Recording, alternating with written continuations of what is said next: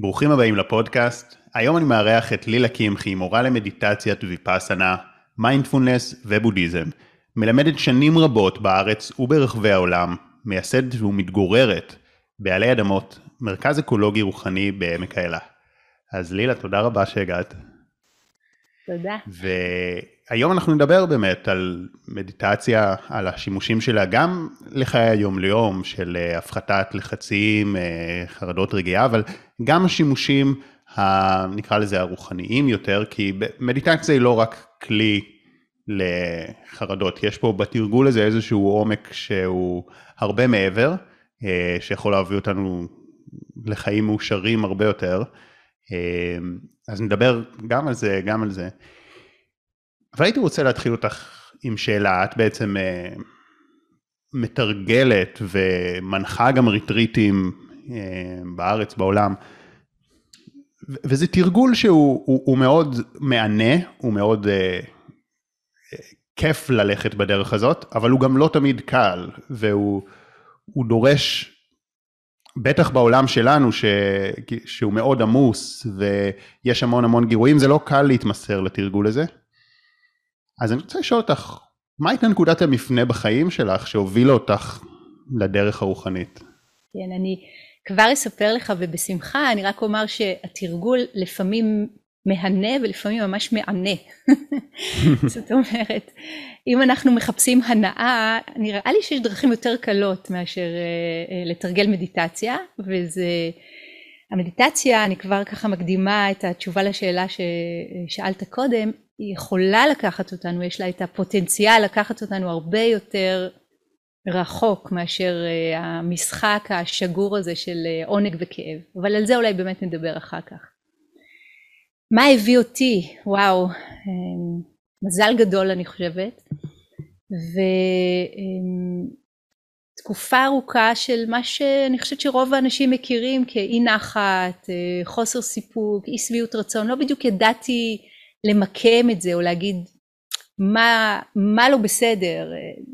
למדתי תואר ראשון בפסיכולוגיה, תואר שני בתקשורת, עבדתי בעבודה טובה, במיינסטרים, הכל היה ככה לכאורה ממש אחלה. וכל הזמן הרגשתי שמשהו לא בדיוק מתיישב לי טוב, לא, משהו היה חסר. אני זוכרת איזה בוקר אחד שככה מיהרתי לעבודה, עבדתי אז בירושלים וגרתי באזור תל אביב, ובדרך זה היה בדיוק אה, תקופת אה, פסח והפרזיות שזה מין כמו סוג של נרקיס אה, פרח עם ריח ממש ממש טוב בדיוק פרחו אצלי. אני זוכרת את הפרח הצהוב היפה הזה ועצרתי רגע להריח אותו ונורא מיהרתי ככה זה היה כזה על הדרך ואמרתי לעצמי אבל רגע מה קורה כאן אני כל כך חיכיתי שהפרח הזה יפרח כדי שאני ייהנה ממנו ועכשיו אין לי אפילו את ה...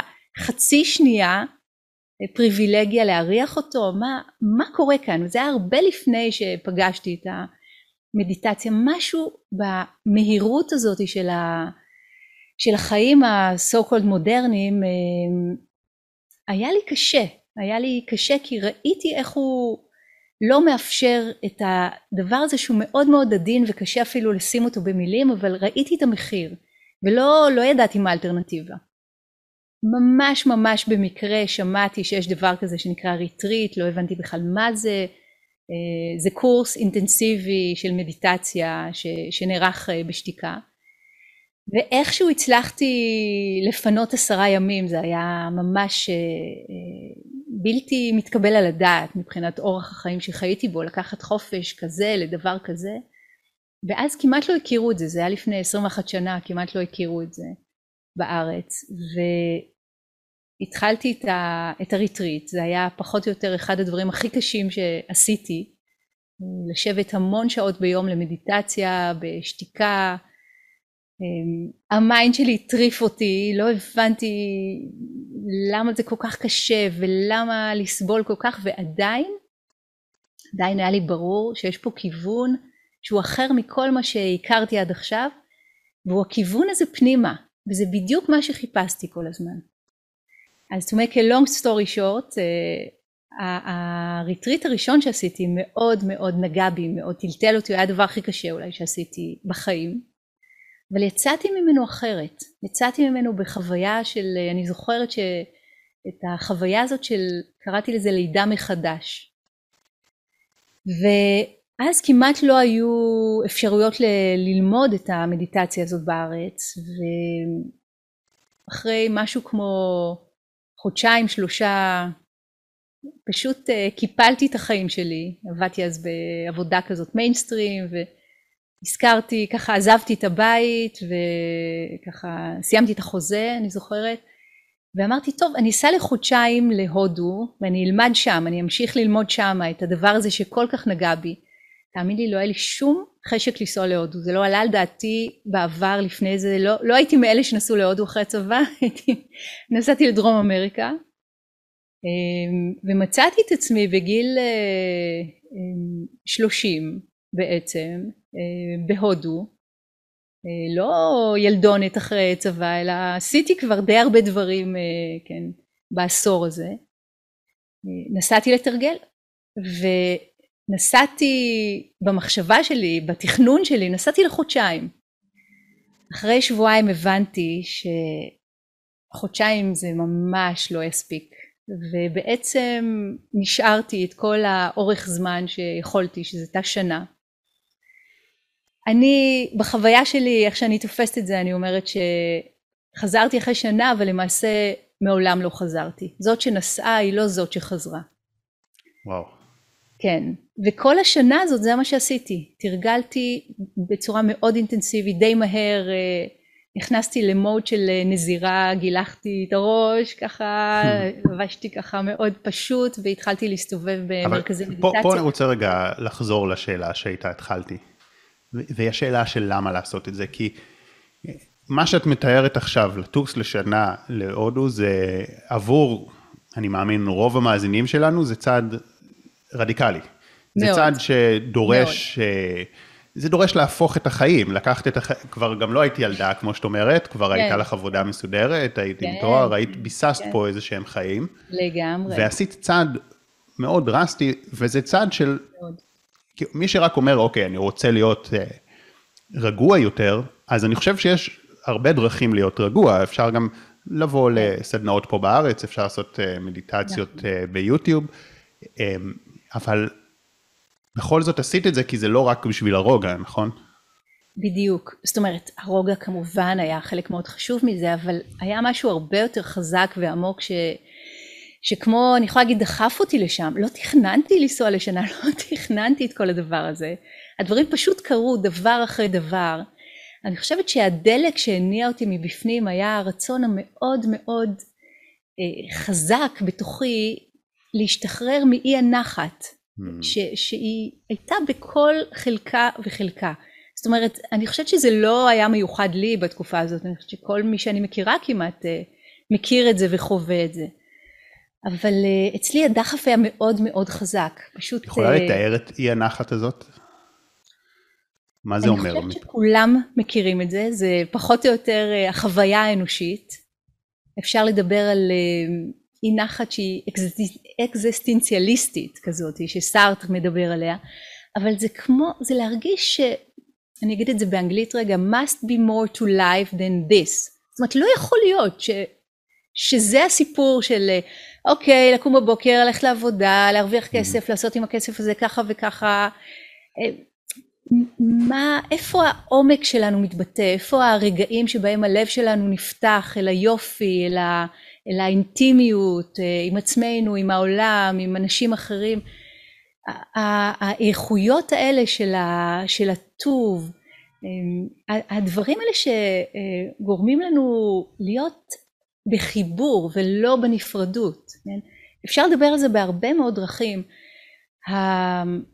להפחית סטרס זה, זה אחד הפירות, אחד מהפירות בדרך. והמדיטציה והתרגול באופן הזה האופק שלהם מאוד רחוק. בהתחלה אמרת זה, זה לא קל וזה ממש כן. ממש נכון. לא קל להסתכל על עצמנו לפעמים ככה במראה בעיקר כי יש בנו הרבה מאוד שיפוטיות ששופטת את מה שאנחנו רואים. זה מה שהופך את זה ללא קל. חלק מהדבר. כן, את יודעת גם בהקשר הזה של האי נחת הזאת, זה, זה ממש החזיר אותי לאיזה שיחה שהייתה לי ממש השבוע עם הבת זוג שלי. והיא שאלה אותי שאלה די דומה למה ששאלתי אותך עכשיו, למה השאיפה הזאת, הרוחנית שהיא מעבר? כאילו למה לא כן. פשוט לעשות התפתחות אישית אה, שגרתית? ואז אמרתי לה, תראי אותנו עכשיו, אנחנו במצב שעל פי רוב יגדירו אותו כמאוד מאושרים, כי יש לנו אחד את השנייה, טוב לנו, אנחנו פה, אה, יש לנו שפע, שנינו מצליחים בקריירה, המשפחות שלנו בריאות, אנחנו בריאים, ויחד עם זאת שאנחנו באמת במצב מאוד מאושר, אם תחשבי על זה, את באמת בעצם לא לגמרי בריאה, כי יש לך קצת את הבעיה הזאת בכתף עכשיו, ואת לא, יש לך איתה גם אי ודאות, את לא יודעת אם זה יעבור לגמרי או לא, ו, אה, וגם אם היא תעבור, אז בכל רגע, בשנייה אחת הבריאות שלנו יכולה ללכת, וגם ההורים שלך הם לא לגמרי בריאים, ואת די דואגת להם כבר, והם לא לגמרי מאושרים גם, ועכשיו נגיד, הייתה לך את ההצלחה הזאת בעבודה, אבל השגת אותה ואת ישר חושבת כבר על היעד הבא, ולמרות שיש לנו את כל מה שאנחנו צריכים, אנחנו עדיין מרגישים לא לגמרי בשפע, ויש תמיד עומס בעבודה ביום, וככה, ו, ואני מתאר את זה כאילו, ב, ואומרת, טוב די די די די, די תעצור הבנתי, כאילו אתה, אתה רוצה לגרום לי לבכות לפני השינה, ו, וזה כאילו, ואני גם חווה את זה, שזה שלא, שגם שטוב לנו, זה לא לגמרי טוב, כי תמיד יש את ה... את הידיעה הזאת שבכל רגע זה הכל יכול להשתנות ולהילקח מאיתנו ברגע אחד. ו... אבל אז שוב השאלה ואת זה היה לי יותר קשה אה, לענות לה וזה אוקיי אז למה תיארת פה סיטואציית חיים שהיא נכונה כאילו זה, זה מין גם כשטוב לנו אז יש את האי נחת הזה יש את ה... הכל יכול להילקח ברגע אבל למה התרגול בעצם עוזר לזה. כן כן אז קודם כל שאלות הלמה הן קצת uh, טריקיות. כן. יש כאלה שמאוד נמשכים לדרך הרוח, יש כאלה שלא, הכל בסדר, אין, אין פה משהו יותר טוב ממשהו אחר.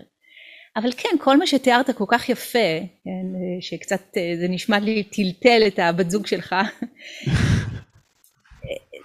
בעצם חלק ממה שקורה בדרך הזאת זה שה-view, ההשקפה שלנו, נקודת המבט שלנו מתרחבת, גדלה, משתנה. וזה, יש משפט מאוד יפה, אני לא יודעת של מי הוא, אני אגיד אותו באנגלית עם אה, תרגום אולי. We are not human beings going to a spiritual experience. We are spiritual beings going to a human experience. אז אנחנו לא בני אנוש נגיד שעוברים חוויה רוחנית, אנחנו יצורים רוחניים שעוברים חוויה אנושית. משהו בשינוי הפרספקטיבה הזה עושה משהו, עושה משהו בפנים, כן? אם, אם תחשוב על ילד שמאוהב אה, בצעצוע שלו, מאוהב באופניים החדשות ש, שקנו לו, ישן איתם במיטה, כן? יש, יש. יש ילדים כאלה, אולי רובם, רובנו. ומתישהו, כן, מגיע רגע שבו הוא גדל משם, והוא כבר לא צריך את הגלגלי עזר, והאופניים האלה שהיו הדבר הכי חשוב לו בעולם, ומי שהיה נוגע בהם היה חוטף, פתאום הן מגיעות לקרן זווית, פתאום הם כבר לא, פתאום הוא שוכח מהם בכלל, משהו בפרספקטיבה שלו השתנה, התרחב. אז הדברים שהיו מאוד מאוד חשובים, למשל קודם, פתאום, פתאום אנחנו אומרים וואו, זה היה לי מאוד חשוב ויקר, אבל אני פתאום יכול לראות או יכולה לראות שיש דברים אחרים. ש, שקיימים כאן. למשל, זה אחד הדברים שקורים. שינוי פרספקטיבה, שינוי נקודת המבט. עוד דבר שקורה זה היכולת שלנו להכיל. זה כמו, אפשר לדבר על זה כעל מיכל שגדל. היכולת להיות עם מה שיש, או להרחיב את המיכל, להגדיל את המיכל. אם תיקח כפית של מלח ותשים אותה בכוס מים ותערבב טוב טוב, המים יהיו מן הסתם קצת מלוכים, נכון? אם תיקח את אותה כפית של מלח. אותו מספר של גרגירים בדיוק, ותשים בדוד גדול מלא מים, אתה הרי לא תרגיש את המליחות. מה קרה? זה לא שכמות המלח השתנתה, המיכל שלך גדל. אז אם הדברים שקודם היו מאוד ממליכים לך את החיים, מאוד מציקים לך, במקום לנסות אה, להילחם בהם או להדוף אותם, יש כל מיני שיטות, כן? אנחנו יכולים פשוט פשוט, זה לא כזה, זה פשוט, אבל זה לא קל בכלל, אה, להגדיל את המיכל שלנו, וזה אחד הדברים שהמדיטציה עושה בנו. היכולת שלנו להתרחב, להגדיל את המיכל. אהה.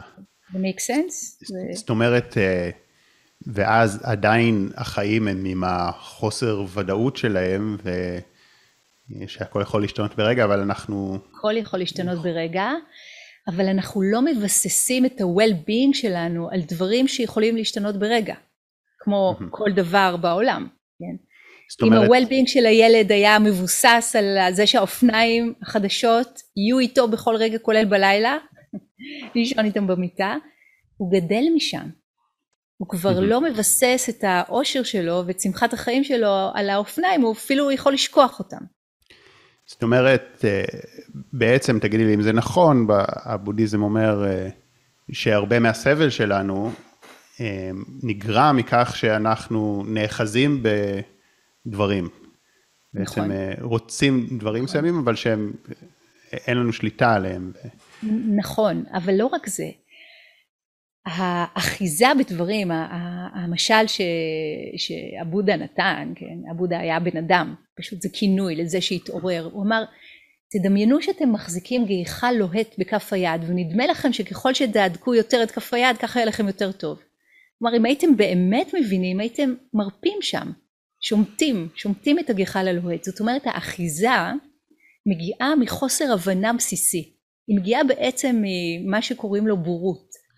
כן. ולא במובן של טיפשות, אלא במובן של חוסר לפני, ידע. אבל רגע לפני שזה, האחיזה, מה זה הגחל הלוהט בחיים בעצם? הגחל הלוהט בחיים הוא כל דבר ועניין שנדמה לנו ששמה העושר האולטימטיבי אה, מגיע. זה יכול להיות כל דבר שאנחנו שמים את כל האנרגיה שלנו עליו, מערכת יחסים חדשה, בית חדש, אה, אוטו, אה, לא יודעת מה, נעליים חדשות, או, אה, או הפוך, דברים שאנחנו לא רוצים, אם רק בעלי ישתנה אז יהיה לי טוב, אם רק whatever, השכנים יעזבו, הם מעצבנים, הם מרעישים, אז יהיה לי טוב, כל הזמן ה push and pull בתודעה, כל הזמן ההדיפה כן.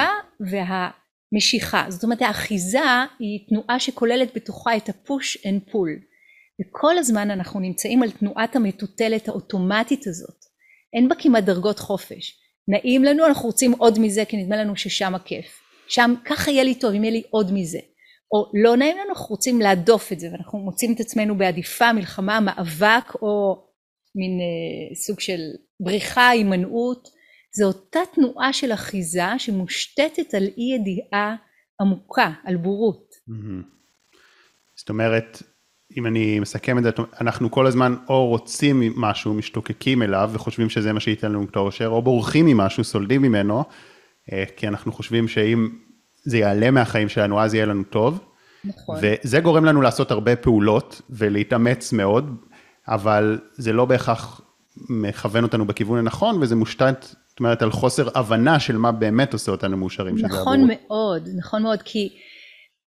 תראה, אין בעיה עם, עם תשוקה, להפך, תשוקה ורצון חזק וכמיהה וערגה וכל המילים המאוד יפות האלה בעברית הן נהדרות, זה מה שגורם לנו לנוע הלאה. מתי הבעיה מתחילה? כשאנחנו מהדקים את כף היד. אאוץ', זה מתחיל להיות ממש כואב. זה בעצם כמו סוס עם סחי עיניים, הוא לא רואה ממטר, הוא לא רואה כלום. הוא חייב את זה, הוא חייב את זה. בוא נדבר על דוגמה פשוטה, כן? אם יש לנו הרגל של אה, כוס קפה, בסדר? בבוקר, אחלה. יש לי פה לידי את הקפה פועלות שלי, קפה שחור פשוט, אוקיי, מדי פעם אני נכנסת להרגל הזה, מדי פעם אני יוצאת ממנו.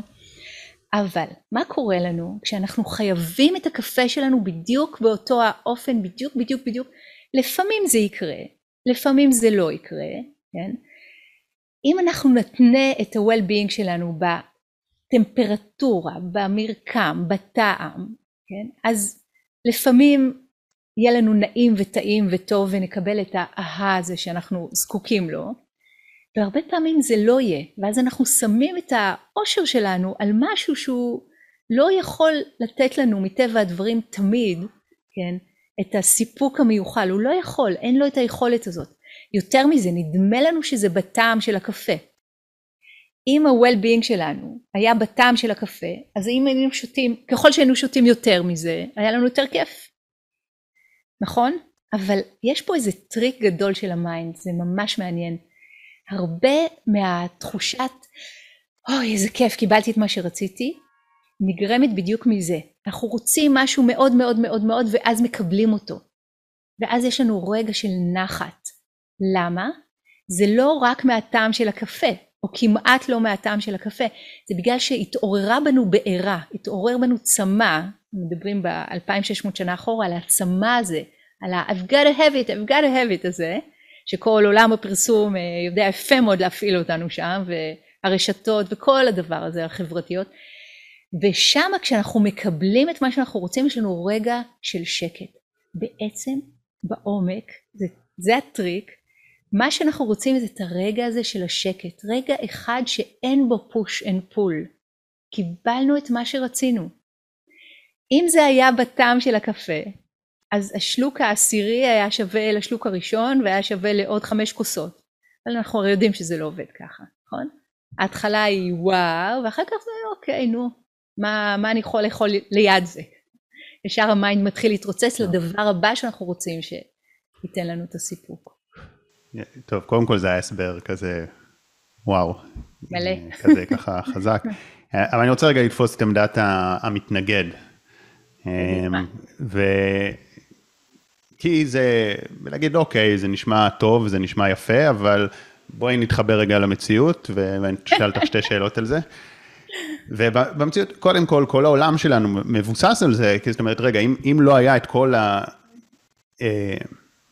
ההשתוקקות אה, הזאת ליותר, נגיד גם, אתה אומר, אוקיי, בסדר קפה, אבל מה עם אה, להשיג יותר, מה עם... אה, אם לא היה את זה, אז איך, אנחנו מדברים עכשיו עם טכנולוגיה מאוד מתקדמת. אם לא היה לאנשים את התשוקה הזאת, להגיע להישגים, לעשות יותר כסף, אז איך היה את כל המחשבים האלה ואת כל השבבים האלה וזה, ואיך איך היה טסלה ואיך היה אה, אפל ואיך זה היה נוצר כל זה, וזה דברים שבסופו של דבר הרי הם עושים לנו well-being גבוה יותר, לא? לגמרי. אה, אה, תלוי, עוד פעם. או שזהו, גם לא בהכרח, תלוי, כן, כאילו, לא זה, בהכרח. זה, זה גם שאלה אם אנחנו יותר מאושרים ממי שחי לפני הרבה שנים, זו שאלה שהיא לא, אין לה תשובה ברורה, אבל, כן, אבל נניח כן. אפילו שאנחנו אומרים שכן. נניח שאנחנו אומרים שכן, ויש הרבה מאוד פנים יפות בטכנולוגיה, זה לא בשביל להגיד, או בקדמה, או ב... אבל הקדמתי ואמרתי קודם, כי אני, אני יודעת שאחרי ההסבר הזה כן. תמיד מגיעה השאלה הזאת. אין שום דבר רע בתשוקה, להפך, זה דבר נהדר, זה יופי של דבר לרצות משהו, לתכנן, להתכוונן אליו. מתי זה נהיה בעייתי? מתי זה גורם לנו סבל? בוא, בוא נקרא לילד הזה בשמו.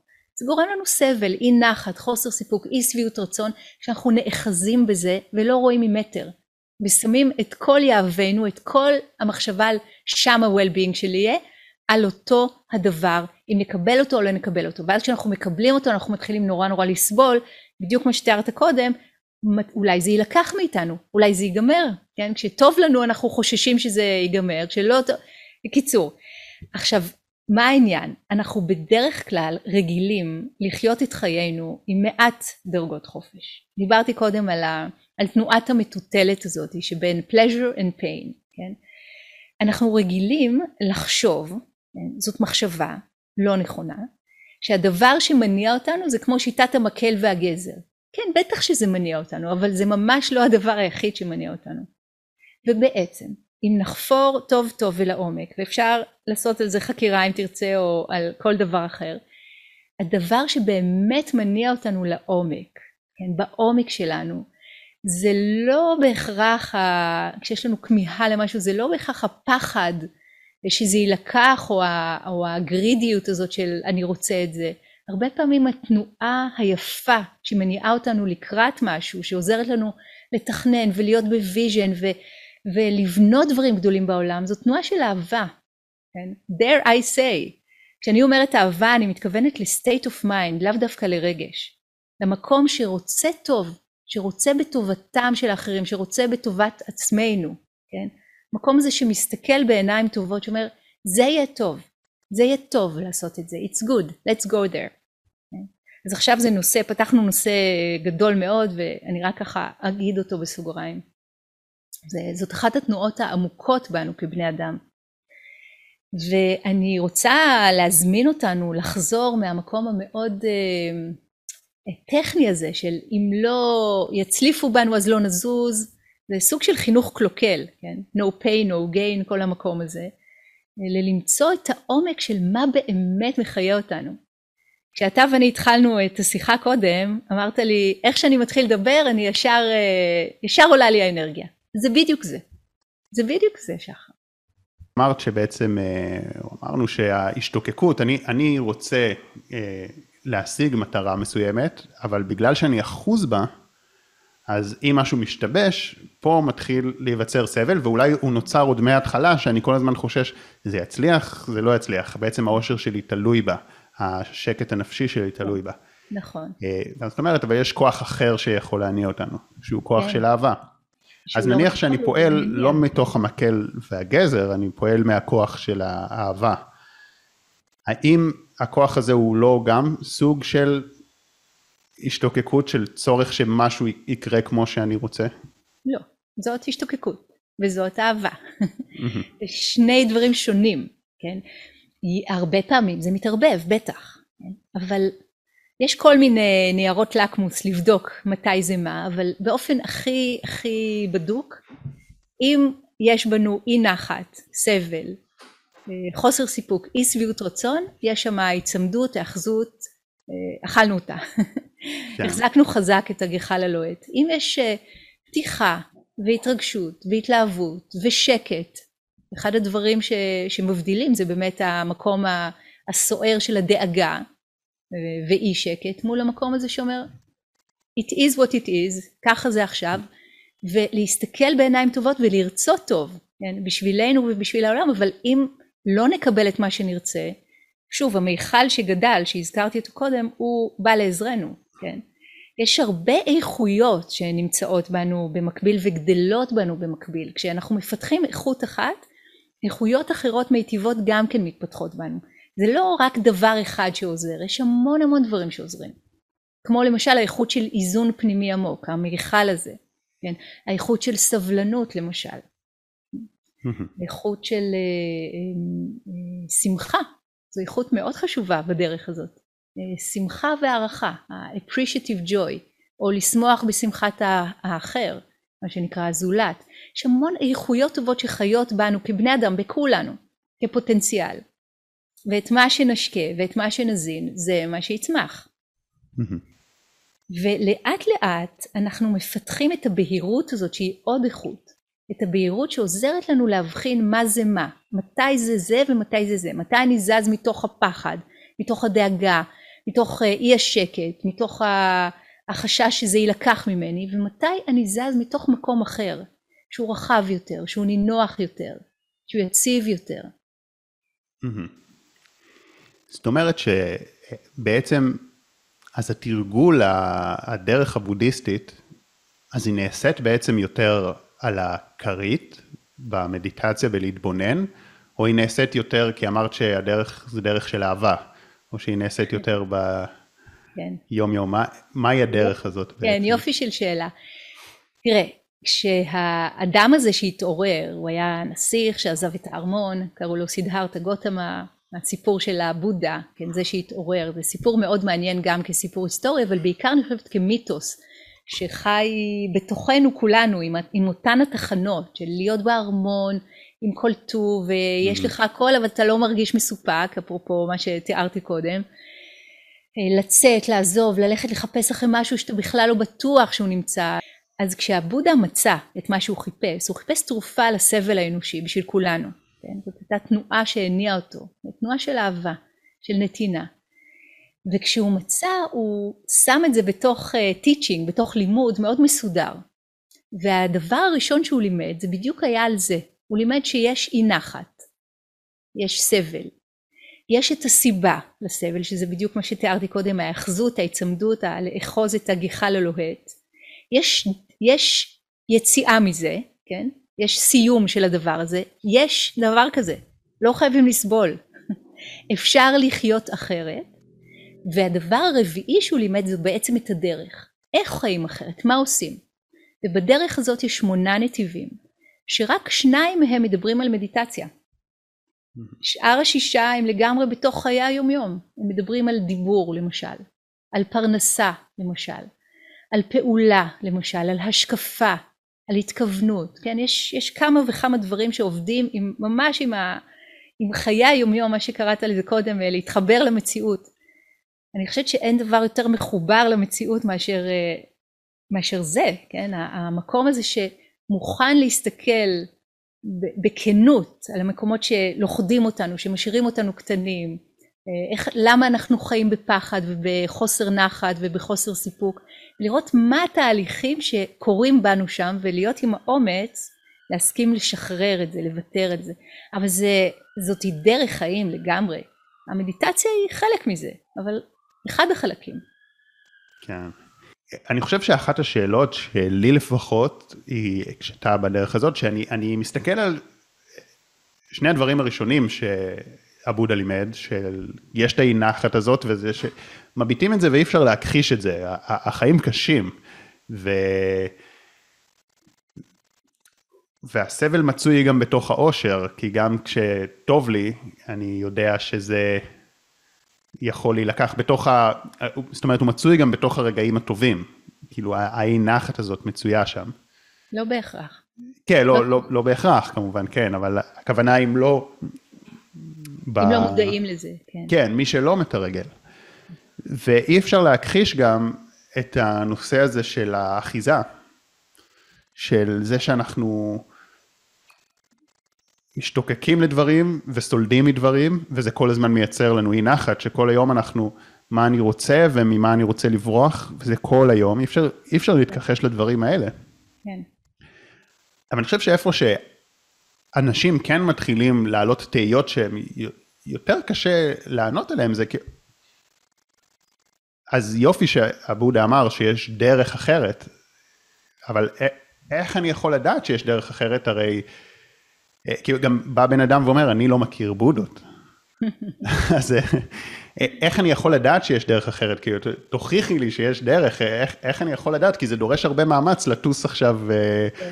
שנה להודו, אולי לא, לא חייבים לא. לטוס להודו. אין צורך, מזל, זה דורש אבל הרבה, הרבה מאמץ, וזה דורש אפילו לקחת שלושה ימים מהחיים שלי, לבוא לריטריט, קצת ללמוד, כן. זה דורש איזשהו מאמץ, אז לגמרי. איך אני יכול לדעת שבאמת יש משהו אחר? אולי, זה, אולי התרגול הוא בכלל לקבל שזה החיים, וזה מה יש. כן, לא. אתה לא יכול לדעת עד שלא תבדוק בעצמך. וזאת אחת השאלות ששאלו את הבודה לפני 2600 שנה, וזאת בדיוק התשובה שהוא ענה להם. אל תאמינו לאף אחד שאומר לכם שהדברים הם ככה וככה. יותר מזה הוא אמר להם, אל תאמינו לזקני השבט שלכם, אל תאמינו לדברים שרק בגלל שהם כתובים איפשהו בכתבים העתיקים המקודשים שלכם. אל תאמינו אפילו אם סתם עולה לכם מחשבה, זה נכון. רק אחרי שבדקתם בחוויה שלכם, בהתנסות שלכם, וראיתם על עצמכם שזה עובד. רק אז, כן, אתם מוזמנים להאמין. זה מאוד מעניין כי זה שולח אותנו לקחת אחריות. אז מה הבדיקה שאפשר להתחיל איתה? כי בן אדם הממוצע אומר, טוב, אני לא, אני לא רוצה ישר, איך אפשר להתחיל? אני חושבת שכל אמ, דבר שמחבר אותנו לעצמנו, אבל בתור התחלה אפשר לקחת כמה רגעים ולשבת רגע בשקט, רגע, רגע לשבת, רגע לעצור, זה כבר ענק, זה כבר דבר גדול בחיים. אנחנו רוצים כמו כן, הצעצועים האלה על הבטריות שמותחים להם את הקפיץ מהבוקר עד הלילה והרגעים היחידים לפעמים שיש לנו עם עצמנו זה או אה, מוקדם בבוקר לפני שרגע התעוררנו ושלחנו יד לטלפון, אני מקווה שאתם לא עושים את זה, או בלילה שנייה לפני שאנחנו נוחתים ונעלמים כי התעייפנו כל כך. רגע למצוא את הזמן הזה, לפגוש את הבן אדם הזה, כן? מי זה, מי זה הבן אדם הזה שהוא אני? מה אני באמת רוצה? מה באמת קורה בנוף הפנימי שלי? מה מזג האוויר בפנים? מה מניע אותי? מה שלומי עכשיו? הכי פשוט. מה שלומי עכשיו? וצריך בשביל זה לעצור. להפסיק את הבלגן. רגע לעמוד. רגע לשבת. רגע לנוח. ולהתחיל להפנות את המבט פנימה. והאופן שאנחנו מפנים או מפנות את המבט פנימה יכול להיות מאוד מאוד פשוט. לשים לב לחוויה הפיזית הגופנית למשל של ישיבה. איך זה מרגיש עכשיו לשבת? רגע, עצרנו. במקום להיות במה יקרה ומה קרה, ומה יקרה ומה קרה, כן? רגע, אני בחוויה הפיזית, התחושתית של ישיבה. רגע, אני בחוויה הפיזית התחושתית של הנשימה בגוף. הנשימה הרי כל הזמן קורית, נכון? מה, מהשנייה שיצאנו לאוויר העולם ועד הרגע שבו נחזיר את נשמתנו, אה, כן, ככה נהוג לומר. וכל הזמן היא קורית. עכשיו זה אחד התהליכים היחידים בגוף שהם גם רצוניים וגם לא רצוניים. אפשר לשים לב לנשימה, אפשר גם לשלוט עליה, אבל מה קורה שאנחנו לא שולטים עליה? אנחנו רק שמים לב אליה, פתאום, פתאום ה mind שלנו יכול להיאסף מאלף ושמונה נתיבים שהוא ברח אליהם, כן? והסתבך בסיפור, בדימוי, בדאגות, בחרטות לגבי דברים שקרו בעבר, בדאגות קשות לגבי דברים שאולי יקרו, ספקולציות בעתיד. רגע לחזור לכאן ועכשיו, רגע אחד כזה הוא מאוד מאוד חשוב. זה לא עניין מספרי, אפילו רגע אחד של אה אני כאן, שכחתי שאני כאן, הייתי human doing ולא human being רוב הזמן, רגע אחד כזה זה רגע נהדר, זה כמו לשים מקל בגלגל של האוטומט שלנו, אז ירדנו מ-100 קמ"ש ל-98 קמ"ש, אנחנו לא נרגיש את זה, אבל הרווחנו שני קמ"ש, וככל שנעשה את זה יותר ויותר ככה, יותר ויותר יגיע שקט, יותר ויותר תגיע בהירות. האופן שבו אנחנו שמים את תשומת הלב עם האובייקט האחד הזה, למשל, דוגמה קטנה של תשומת לב לנשימה הטבעית שקורית בגוף, אוספת אותנו, אוספת את התודעה. וכשהתודעה אסופה יותר ויותר, נהיית בבהירות, נולדת בבהירות. וכשנולדת בתודעה שלנו בהירות, התובנות יכולות סוף כל סוף להגיע, תובנות שמשחררות אותנו, תובנות שמראות לנו משהו, שמלמדות אותנו משהו על עצמנו, על, על העולם. בהחלט. אז בואי ניגע רגע ב, קצת בחלק של איך עושים דברים, אה, ושניים מהדברים שאת מלמדת, אה, זה גם מדיטציית ויפאסנה, וגם חקירות. אז אני אשמח לשאול קצת על מה זה ויפאסנה וגם קצת על מה זה חקירה ואולי אפילו נעשה חקירה. וואו, אמיץ, יאללה. ויפאסנה זאת מילה בשפה, בשפת הפאלי שהיא שפה אחות לסנסקריט, השפה שבה נכתבו דברי הבודה בערך 400 שנה אחרי שהוא עזב את, את העולם, אחרי שהוא נפטר. אה, והפירוש שלה זה תובנה או insight, כן? או ראייה שמשחררת. יש אה, קשר הדוק בכל מיני שפות, גם בעברית, גם באנגלית, גם בסנסקריט או בפאלי, אה, בין ראייה ותובנה, בין ראייה והבנה. כשאנחנו רואים משהו לעומק, אנחנו מבינים משהו לעומק. כן? זה מאוד מעניין הקשר הזה, הוא לא סתם. כשבאמת באמת ראינו דפוס שלנו, ראינו מה גורם לנו סבל ומה יכול לשחרר אותנו שם, משהו בנו מתחיל להשתנות. אז זה ממש ממש בגדול הפירוש של המילה ויפאסנה ויש יש סוגים שונים של מדיטציה בתוך הוויפאסנה עצמה יש סוגים שונים יש מסורות שונות ששמות דגש על דברים שונים אני לא אכנס לזה זה ככה המון המון דברים אבל בגדול זה היכולת שלנו להתבונן בשקט על הרעש כן? היכולת שלנו לראות את תנועת המטוטלת, היכולת שלנו להיות בקשר עם הגוף הזה בכלל. המטוטלת של הסלידה והשתוקקות? בדיוק, בדיוק, זאתי. לראות מה מתרחש בגוף, להיות עם דבר אחד, אה, לשים לב לתחושות הגוף, לשים לב לרגשות שלנו, לשים לב למחשבות שלנו, היכולת שלנו לדעת, כמו יש בנו את היכולת הזאתי לדעת ולשים לב. היכולת לדעת ולשים לב היא עצמה לא מעורבבת עם האובייקטים אליהם היא שמה לב. כן. אוקיי? Okay? זה קצת אה, אולי. קשה להבנה, אבל זה, זה כמו מראה שמשקפת את מה שמשתקף בה, אבל מה שמשתקף לא נרשם עליה.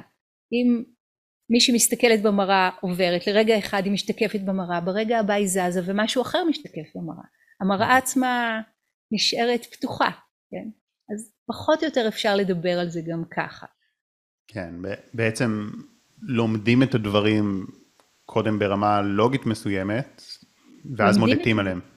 לא, לומדים את לא? הדברים קודם ברמה חווייתית התנסותית. זה כמו לדבר, לנסות לדבר על הטעם של התפוח, אנחנו יכולים להיות מאוד פיוטיים, אבל עד שלא ניתן לו ביס, לא באמת כן. נוכל לדבר על הטעם של התפוח, אתה ואני. עד שלא ממש כן. נטעם כן. אותו, כן? כי זה מערב כבר משהו אחר, זה לא מערב רק את ה mind ותהליכי החשיבה שלנו, זה מערב את החוויה.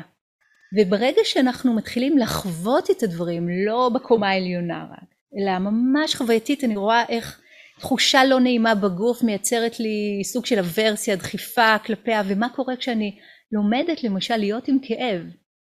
אני לומדת להיות עם כאב, כי, כי לפעמים נוכל להזיז את הרגל והכאב יעבור, אבל הרבה פעמים בחיים שלנו הכאב לא יעבור כל כך מהר. אז מה אפשר לעשות ואפשר לעשות? עבודה תודעתית, כן? לדעת להיות עם כאב, להתרחב סביבו, לראות מהו לא כאב. יש כל מיני טכניקות, כן, שעובדים עם ה... למשל, עבודה עם כאב פיזי וכמובן רגשי. כל הדברים שאמרתי קודם, אבל זה לגמרי לגמרי מחובר אלינו, וזה מחובר לכאן ולעכשיו. חלק מהדברים שאנחנו רואים בוויפאסנה זה את התנועה המאוד חזקה, הגורפת, של התודעה שלנו, ה mind שלנו, להיות או בעבר או בעתיד או בשניהם לסירוגין. מעט מאוד מהזמן אנחנו כאן ועכשיו. ולא רק אנחנו, רוב האנשים על הפלנטה הזו. מעט מאוד מהזמן הם כאן ועכשיו, רוב האנשים הם או חיים בעבר, המון דברים שקרו ויש להם חרטות ואכזבות וככה, או חיים בעתיד, חרדות, דאגות לעתיד. הפלנטה הזו די ריקה בינינו, מעט מאוד אנשים חיים בה עכשיו וכאן. אתה מבין את הכוונה כן. שלי. אז זה ממש על קצה המזלג אה, הוויפסנה. כן? ובעצם אנחנו מדברים על היכולת שלנו לפתוח, to make ourselves available, לפתוח את המרחב הפנימי לתובנות שמשחררות אותנו. כן? להבין משהו, ובשביל להבין משהו אנחנו חייבים רגע לעצור ולשים לב. ומשהו בעצירה ובתשומת הלב מחבר אותנו. הרבה יותר אמיתי מאשר כל הזמן להיות בדאגות, חרדות, חששות, אה, מכורים לרשתות חברתיות, לאוכל, למה לא, עם כל התרגילים והטריקים שלנו, האסטרטגיות שלנו כדי לא להיות בקשר, כדי לא להתחבר. כן. בעצם טכניקה או טיצ'ינג שמזמין אותנו להתחבר, להיות באינטימיות עם כל הדברים, שזה אגב כן. הגדרה של אה, הערה. אינטימיות עם כל הדברים. הגדרה של אה, דוגן, כן. פטריארך הזנה. כן, גם אמרת רשתות חברתי. אני, אני מרגיש שבאמת אה, עם השנים זה הולך ונעשה יותר קשה לתרגל, אה, אלא חוץ מבתקופות שממש שומרים את התרגול, בגלל הרשתות החברתיות זה נכון. מאוד נכון. מאתגר, אבל... נכון. זאת אומרת, אני מניח שגם צריך להפחית אותה, כי אי אפשר רק בתרגול, צריך גם במהלך היום נכון. להיות ב... בדיוק. לא בעודף הסחות דעת כדי שהתרגול יצליח. בדיוק, בדיוק. אז אמרתי, זו דרך שהיא לגמרי בתוך כן. חיי היומיום שלנו, ולמשל פעולה נכונה מאוד קשורה להתמכרויות שלנו. ההתמכרויות לרשתות החברתיות, אגב, אה, פועלות בדיוק, בדיוק על אותו מכניזם, כן, של אה, סיפוק וסטרס. כן. נכון? מה, אנחנו מכירים את זה, הורמון הסטרס, הקורטיזול, אם אנחנו לא מגיבים מיד אז זה מתפתח בנו ואז יש את הסיפוק המיידי. מי שתכנת את זה אלוף, אלוף בלגרום לנו בדיוק את ה... באמת, זה, זה לא כוחות. אבל ברגע שאנחנו יודעים את זה, ברגע שאנחנו יודעים את זה, אנחנו כבר על הדרך לצאת מהסיפור הזה שלה, לפעמים זה התמכרות ולפעמים זה סתם משהו שגוזל לנו שעות מהחיים וחבל. חבל. ה-well-being שלנו הוא, הוא לא מוגבל רק למדיטציה, רק אם נעשה מדיטציה אז, אבל הוא כן שייך וקשור לאופן שאנחנו מתבטאים בעולם, לחיבור שלנו לעולם. אנחנו כולנו יודעים יד על הלב מה, מה עושה לנו טוב ומה מה מרגיש מאוד מושך, אבל זה קצת כמו ג'אנק פוד. וכמו שאנחנו לא נרצה, עכשיו זה עונת הקרמבואים, כן? קשוח, אבל לא נרצה לאכול מגש שלם של קרמבו, נכון? אנחנו יודעים שזה לא טוב לנו, הגוף מתחיל לאותת שזה לא בריא לנו, זה טעים אולי, אבל היי, אנחנו יודעים כמו איזה מבוגר אחראי לשים כאן גבול, באותו אופן זאת תנועה של אהבה שאומרת זה לא בריא לי, זה לא טוב לי, מה כן טוב לי, כן? וזה ממש לקחת החלטה נחושה לא ללכת אחרי הדברים שלא בריאים לנו, בין אם זה באוכל, ג'אנק פוד, ובין אם זה במחשבות, junk thoughts, כן, מחשבות yeah. זבל, מחשבות שלא מיטיבות איתנו. את מה שנשקה ואת מה שנאכיל זה מה שיצמח בנו. ואם נשקה התמכרויות ונזין אותן, הן, הן יצמחו ויגדלו. ואם נשקה שקט ושלווה ופתיחות וסקרנות ועניין ושמחה וכל האיכויות הטובות, הן אלה שיגדלו בנו, זה, זה כזה פשוט. אבל זה לא קל. כן. זה, לא קל. זה גם, זה גם כמו שאת אומרת עם הזרעים, אז באמת, אה, אם אני חושב על לפני כמה שנים טובות, הסתכלתי על אנשים שמכורים לרשתות חברתיות וידעתי שיש מילה כזאת מכורים לרשתות חברתיות, אבל לא ממש הצלחתי להבין איך זה יכול להיות. ואני עדיין מתקשה להבין למה אנשים מסתכלים על הסטורי וזה, אבל בגלל שהייתי צריך את זה לעסק שלי,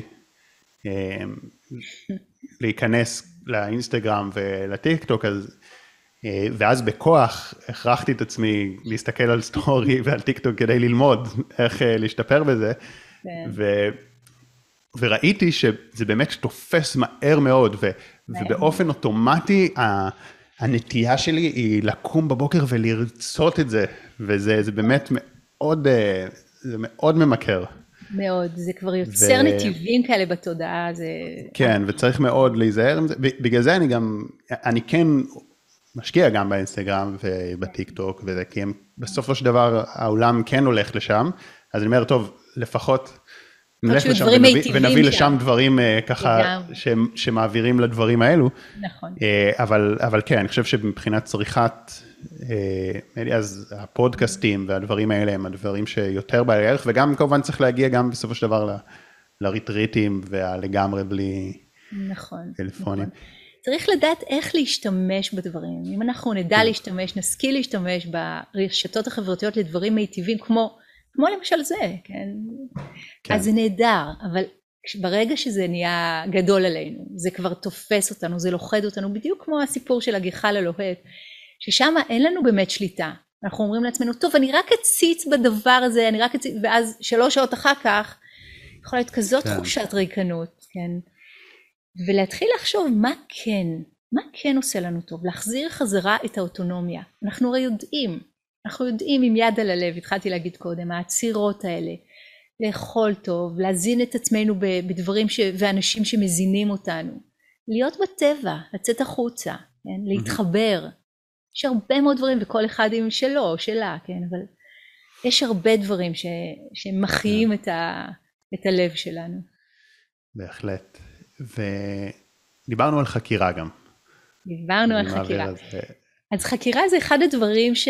שבאמת באים גם מהמסורת הבודהיסטית וגם uh, ממסורות אחרות שאני גם uh, נמצאת בהן, מסורת של אישניות, אדווייתא ודנטה.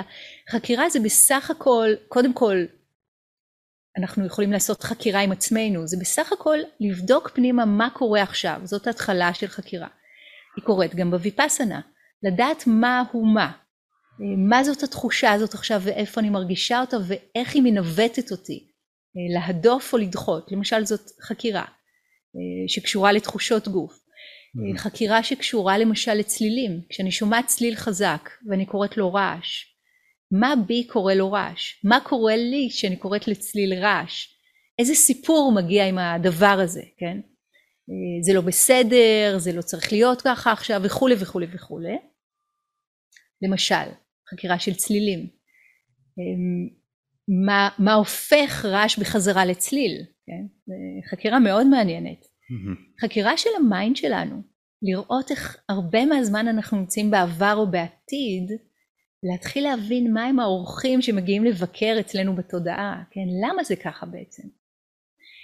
אז יש הרבה חקירות שאנחנו עושים בתוך המדיטציה עם עצמנו, לא בתור חפירה, לא כזה של אני אחשוב על זה עוד ועוד ועוד ועוד ואז אני אבין. זה יותר כמו מינון הומואפתי, להסכים לפתוח את השאלה, סימן שאלה, ולראות מה קורה, מה עולה, תוך כדי שאנחנו אוספים שוב ושוב את התודעה שלנו, את תשומת הלב שלנו לדבר אחד, למשל הנשימה בגוף שהזכרתי קודם, למשל תחושות הגוף, למשל לשים לב למזג האוויר הפנימי, מהם הרגשות שחיים בי עכשיו? אני עצוב, אני שמח, אני, אני לחוצה, אני אה, בשלווה, זאת אומרת מה קורה לי עכשיו רגשות או state of mind, אני אתייחס לזה כרגע אותו דבר, ככה בודה יתייחס לזה. מה חי בי עכשיו, כן? מה מזג האוויר הפנימי? ומעבר לזה יש אה, שיטת אה, חקירה שקורית אה, בצורה מאוד מעניינת שאנחנו עושים אותה אחד על אחד תלמיד ומורה או תלמיד ומורה בקבוצה כן? שיש אנשים שיושבים וההקשבה שלהם כל כך חשובה כי כל מילה שנאמרת היא רלוונטית היא רלוונטית גם להם. יכול להיות שלא כרגע יכול להיות שזה יהיה לאחר כך יכול להיות שהנושא לא מדבר אבל משהו באופן שחקרנו יכול להיות אה, אה, מאוד כן. מאוד רלוונטי. והחקירה מערבת את כל החלקים שלנו. אז שחר, מה אתה אומר? רוצה לנסות? חקירה קצרה? אמ, כן, יאללה. אז קח איזה רגע ותחשוב, תרגיש, אם יש איזה נושא שהיית שמח להיכנס אליו, אולי להדליק את הפנס שם, אולי להבין משהו קצת אחרת, אני מאוד מאוד הישגי. ו... ואני אני כן מאוד מודע לזה, ואני הרבה שנים מתרגל, ואני עושה את המדיטציות, וגם, במיוחד גם בגלל שאני לייב מול אנשים, ואני מלמד, ואז ה integrity דורש ממני גם מאוד calm down, אבל, אבל עדיין אני, אני מרגיש את הדחף הישגיות הזה. אז אמרת, שחר, שאתה מאוד מאוד הישגי. כן. איזה יופי. כן. איפה הבעיה כאן? אמ, בדיוק כל מה שדיברנו עליו, זאת אומרת, למצוא את, ה... את השקט הזה של להיות תמונה רק מהמוטיבציה של האהבה, אמ, ולא מהמוטיבציות האלה של ה... אחיזה שאני צריך להשיג משהו, כי כאילו הייתי רוצה, אני, שוב, אני עובד על זה, אבל אני מרגיש שאני עוד כאילו רחוק, הייתי. רוצה שבאמת. כל העשייה שלי תהיה הרבה יותר, מ... עוד יותר מהמקום הזה של הרב, ו... ואז לא יהיה לי את התחושה הזאת של למה אני לא מספיק, ואני רוצה. יותר להספיק ולעשות יותר ואני לא עושה מספיק. שאני יודע שהרבה שמאזינים פה, אה, כן. צופים אומרים, טוב, אתה לא עושה מספיק, אבל האמת שזה גם היה עם כל בן אדם כמעט שדיברתי איתו, כי זה בכלל לא קשור לכמה אנחנו משיגים. אז כן, אני מרגיש את התחושה הזאת של עוד, עוד, עוד, עוד. עוד, עוד, עוד, עוד. אז זה נורא יפה בעיניי, כן? שאתה גם, כמה דברים, אתה גם אומר, אני מרגיש את התחושה הזאת של עוד, עוד, עוד, ויש לך חיוך גדול.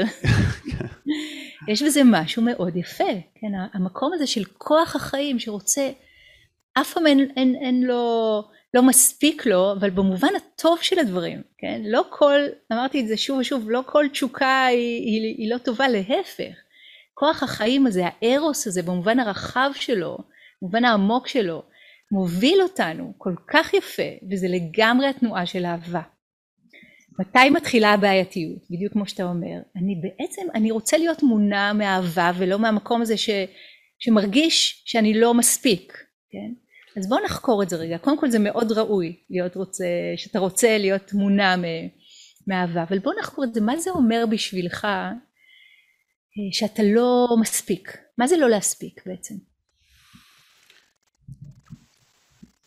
יש המון... המון דברים שאני רוצה לעשות, ליצור. אני מרגיש שבאמת שיש בי הרבה דברים שאני רוצה ליצור. והזמן מוגבל מאוד. ואז בין היתר אגב גם הפרדוקסליות שאני משתדל שזה לא יקרה, אה, שאני יכול לעשות גם, לעלות מדיטציה ליוטיוב ולעשות קורס מדיטציה ו, ומתוך הרצון להספיק את זה, לפגוע במדיטציה שלי ולעשות אותה פחות זמן או, או רק מאוד בערב מאוחר וכבר לא איכותית, כי. אני צריך את הזמן להספיק, לעשות, כן. ו, וזה מצב שאני חושב שהוא לא טוב שהוא קורה. Mm-hmm. בוא נסתכל על זה עוד, אה, עוד קומה פנימה. אני מבינה מה שאתה אומר, אבל אני גם שומעת שיש בך משהו מאוד חזק שרוצה להנגיש את המדיטציות ולהעלות את זה ליוטיוב שעוד אנשים יוכלו לשמוע יש בזה, יש בזה כוונה כן. מאוד מאוד יפה, מאוד טובה. למה אז, היא בעייתית? כן, אז את, את החלק הזה אני, אני באמת, אני אוהב, ואני חושב שזה גם הסיבה שזה גם מצליח במידה רבה. נכון. אני, אני חושב שיש לי עוד, עוד הרבה לעלות, ב, כי, כי אני עדיין מרגיש uh, תחרותי, ו, ואני אני, אני הרבה פעמים, אני כן מפרגן לאנשים, גם לקולגות שלי וזה, אבל אני, אני עושה את זה גם כי אני מבין שזה הדבר הנכון והראוי, ואז... ו, אבל אני רוצה להיות ראשון, כזה, כאילו יש בי את החלק גם שרוצה להיות מקום ראשון, שרוצה להוביל. בוא נלך על זה, בוא נלך עם החלק המקסים הזה. כן. אני רוצה להיות מקום ראשון, בכלל בלי לגנות אותו, כי הוא לא כן. ראוי לגינוי, הוא ראוי למבט סקרן וחברי. מה זה המקום הזה שרוצה להיות ראשון? כי מה, מה יצא שם? מה זה, לאן זה ייקח אותך? מה, מה יקרה שם? מה תרגיש? מה, מה תחווה? כן. למה אתה רוצה להיות מקום ראשון בעצם? אז אני חושב שיש פה, פה שני, שני אלמנטים. אה, אני אתחיל מהשני בכוחו. טוב. המקום השני בכוחו זה גם המקום הקצת הישרדותי כלכלי אולי. יופי. שאומר אוקיי אם, אם אני כאילו מאוד מצליח וזה אז אני גם אה, משתיק את החלק ההישרדותי שלי שאני יודע שיש לי שפע, שזה גם משהו שאני יודע שקיים בתוכי. אה, יופי. והמקום העוד יותר משמעותי הוא, הוא מעבר לזה, כאילו הוא לא קשור בכלל לכסף או להצלחה, הוא קשור כזה למין, לא יודע, איזו תחושה שהגשמתי את עצמי, ש... יופי. שעשיתי משהו בעולם. ש... כן. מקסים, מצוין. אז בעצם, אז תראה איזה יופי זה, זה עולה ככה וצף. אז יש פה שתי תנועות, אחת יותר חזקה מהשנייה. התנועה החזקה היא תנועה של הגשמה, של הרצון להגשים, כן? הצורך העמוק, הכמיהה העמוקה, לתת את המתנות שלך לעולם, כן? שזה יופי של תנועה, היא מבורכת. והלוואי שכל האנשים בעולם ייתנו את המתנות שלהם מה שיותר, את המתנות המבורכות שלהם, זאת תנועה של אהבה. התנועה השנייה, יש פה מקום של, קראת לו הישרדות, יש פה חשש, אולי אפילו פחד, אבל גם התנועה הזאת יושבת על כמיהה עמוקה לביטחון. כן, למוגנות, ביטחון. נכון? למוגנות, המקום הזה שאותו נוכל לקבל כשיהיה לנו שפע, או זה לפחות מה שהסיפור שהמיינד מספר לנו. נכון? יש פה צורך עמוק, כמיהה עמוקה לביטחון, זו תנועה מאוד יפה, כן? אז שתי התנועות האלה ביחד דוחפות קדימה. מתי זה הופך להיות בעייתי?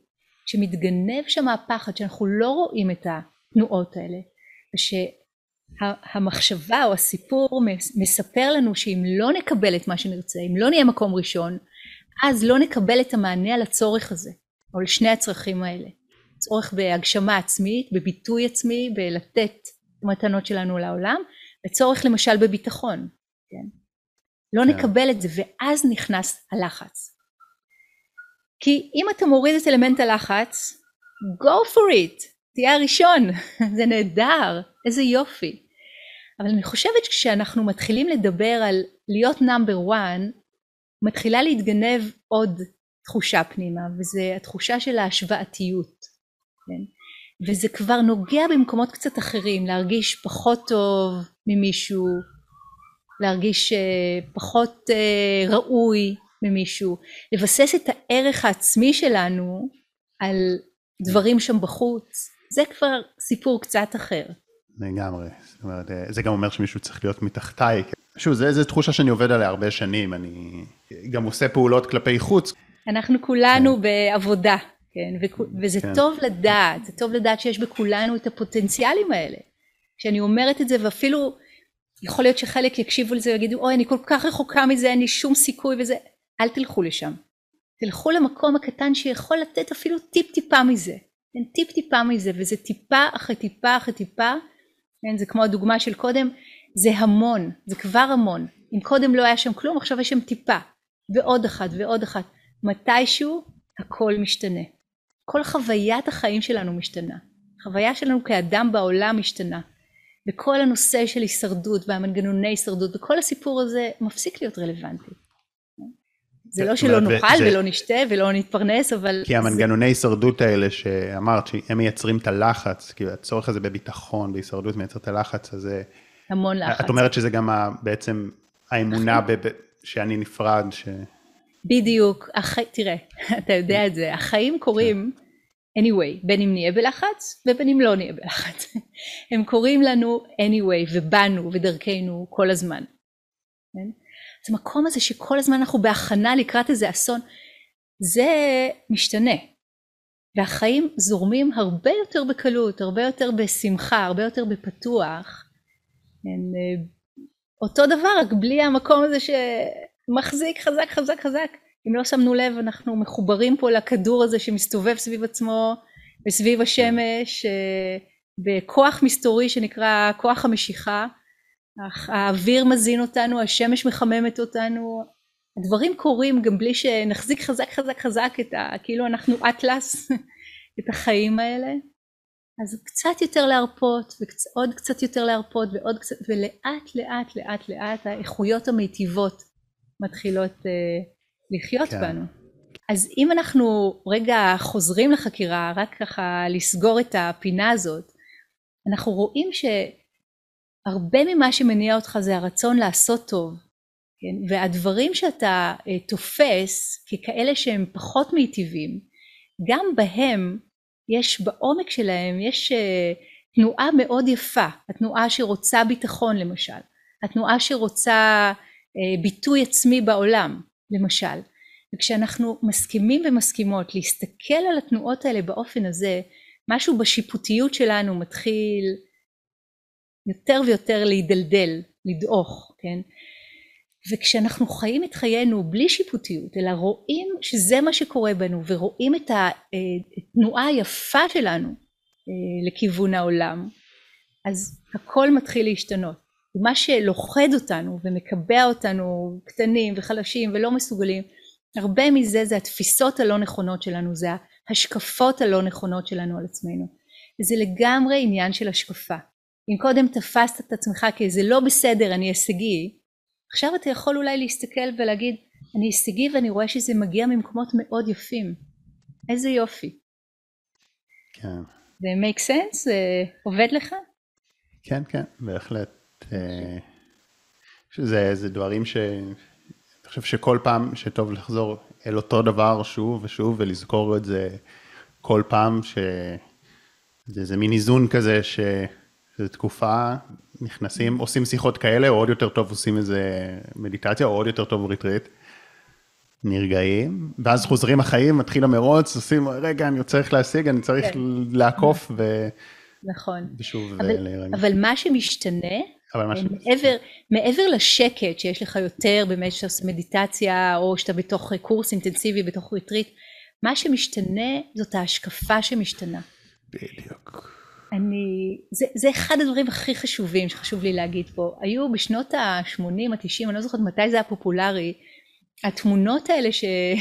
שהיינו תולים על הקיר בסלון, היו בהם מלא מלא מלא פיקסלים, זה היה כזה מין נראה כמו רעש, כאילו לא רואים שם שום דבר. מכיר את זה? ואז היינו עומדים מול זה מסתכלים, אה, ומתישהו פתאום היינו רואים תלת מימד. Hmm. מכיר את התמונות האלה? הם היו כן, פעם... כן, כן. כן. אבל עד שלא ראינו את זה, לא ראינו את זה. יכולנו להישבע שאין שם כלום. אבל פתאום קורה הרגע, ויש אחוז מסוים באוכלוסייה שאף פעם לא יכול לראות את זה, אבל רוב האנשים מגיע הרגע שהראייה רגע נרגעת, ואנחנו כמו רואים כזה, מסתכלים יותר ברכות, ופתאום משהו ב mind קורה, ואנחנו רואים תלת מימד, נכון? דגים באקווריום, מטוסים, כל מיני. פעם אחת שראית את זה, אתה כבר לא יכול לספר לעצמך סיפור שזה לא קיים. גם אם תבוא למחרת ותסתכל על התמונה וייקח לך שוב כמה רגעים עד שלא תראה, אתה כבר יודע, יש כבר את הידיעה. הראייה הביאה לידיעה העמוקה. ומה שמשתנה בנו זה בדיוק זה. התפיסה, ה-view, ההשקפה שלנו משתנה. זה מדויק, זה מאוד יפה, זו מטאפורה מאוד יפה. אגב, אני גם מרגיש, כאילו אני יודע שיש עוד המון המון שנגיד אם יש את החוברת תלת מימד הזאת, שהיא חוברת עם איזה 100 כן. עמודים, ואז שהיא מחולקת לפי דרגות, אז, אז הצלחתי לראות את העמוד הראשון כזה של התלת מימד, כאילו כנראה יש לי לראות עוד איזה 100, אבל אני יודע שגם מהראשון הזה, אז גם אם עכשיו אני בתקופה של יותר מרוץ, אז זה לא כמו שהיה פעם, לפני ש... ו... ובגלל זה גם היה לי חשוב, וגם לך, ש... שנדבר פה לא על מדיטציה כמשהו שרק עוזר להירגע, אלא על, אלא על כל ההשתוקקות וסלידה ובורות והמטוטלת של ה mind וכל המעבר, כי... וזה גם, כמו שאמרת, הוויפאסנה, שאת מגיעה לאיזושהי תובנה חווייתית, ואז גם כשאת יוצאת מהמדיטציה, זה, זה נשאר, אז בנקודה הזאת אני רוצה אה, לשאול אותך גם איך אנשים יכולים לקבל עוד, את עושה ריטריטים גם, אז אה, איך אנשים יכולים להגיע לריטריטים או לקבל עוד ממך באופן כללי?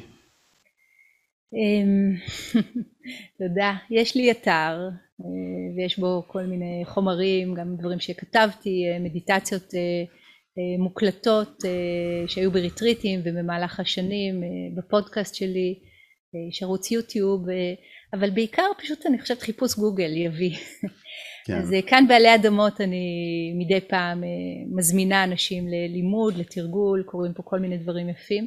אה, אני מלמדת בעמותת תובנה, אני אחת המורות שם ואפשר להגיע אליי דרך, דרך שם, או פשוט תגלשו ברשת על דברים טובים. כן, אז אני אשים כאן גם קישור. ובאמת אני חושב ש... ששווה, שווה לעשות, קודם כל אני חושב שהכי חשוב זה, זה התרגול היומי. לגמרי. זאת אומרת, אז אם אתם עכשיו לא מתרגלים בכלל, קודם תתחילו תרגול יומי בבית, אפילו חמש דקות וזה, אבל גם שווה ללכת למשהו קבוצתי, משהו ככה באווירה של יותר ריטריט, זה אני אומר את זה ואני אומר, אני גם צריך לעשות את זה כבר, אה, כאילו לא עשיתי את זה זמן מה, כן. אבל אני יודע, אני גם, אני גם מכוון לשם, גם יש תקופות של לבנות, לבסס משהו בחיים כדי לייצר את הפלטפורמה כן, נכון. אחר כך, אז אה, כן, התרגול היומיומי ו... וגם ללכת לחוויה הזאת, הקבוצתית, הריטריט, נותן חוויה אחרת, כי זה, זה מה שמאפשר להגיע, אני חושב, למה שתיארת עם ה... תלת מימד, אז אולי ריטריט של שלושה ימים יביא אותנו לעמוד הראשון בחוברת הזאת של המאה עמודים תלת מימד, אבל הוא גם, וואו, כאילו אולי הוא העמוד הכי חשוב. ממש כי, כך. כי עושים אותו, ממש. אז כבר יודעים, אוקיי, יש פה את התלת מימד הזה, זה לא, זה לא עבדו עליי. אז כנראה גם, גם אם אני מספיק אתאמץ, אני אגיע גם לעמוד השני ולשלישי ולרביעי ועד המאה. לגמרי. איזה יופי. בדיוק זה. אני כל כך כן. שמחה שאמרת את זה. אז אה, תודה רבה. ממש, אה, אני חושב שנגעת פה בנקודות מאוד עמוקות, ככה מעבר ל... להתפתחות אישית הקלאסית של להיות קצת יותר רגועים, כאילו משהו שיש בו נכון. את המעבר. אה, אז אני מודה לך על זה, ותודה רבה לכם. תודה. שהקשבתם, אם אהבתם, תעשו לייק, זה עוזר לי להבין איזה תכנים אתם אוהבים, מה מעניין אתכם, מה להביא עוד. וגם אני אשמח שתשתפו את זה לאנשים שאתם חושבים שזה יכול לתרום להם, אתם מוזמנים גם להגיב פה, אני קורא הכל ומתייחס לתשובות ועונה. אה, שוב תודה, תודה לילה, ואנחנו נתראה. תודה שחר.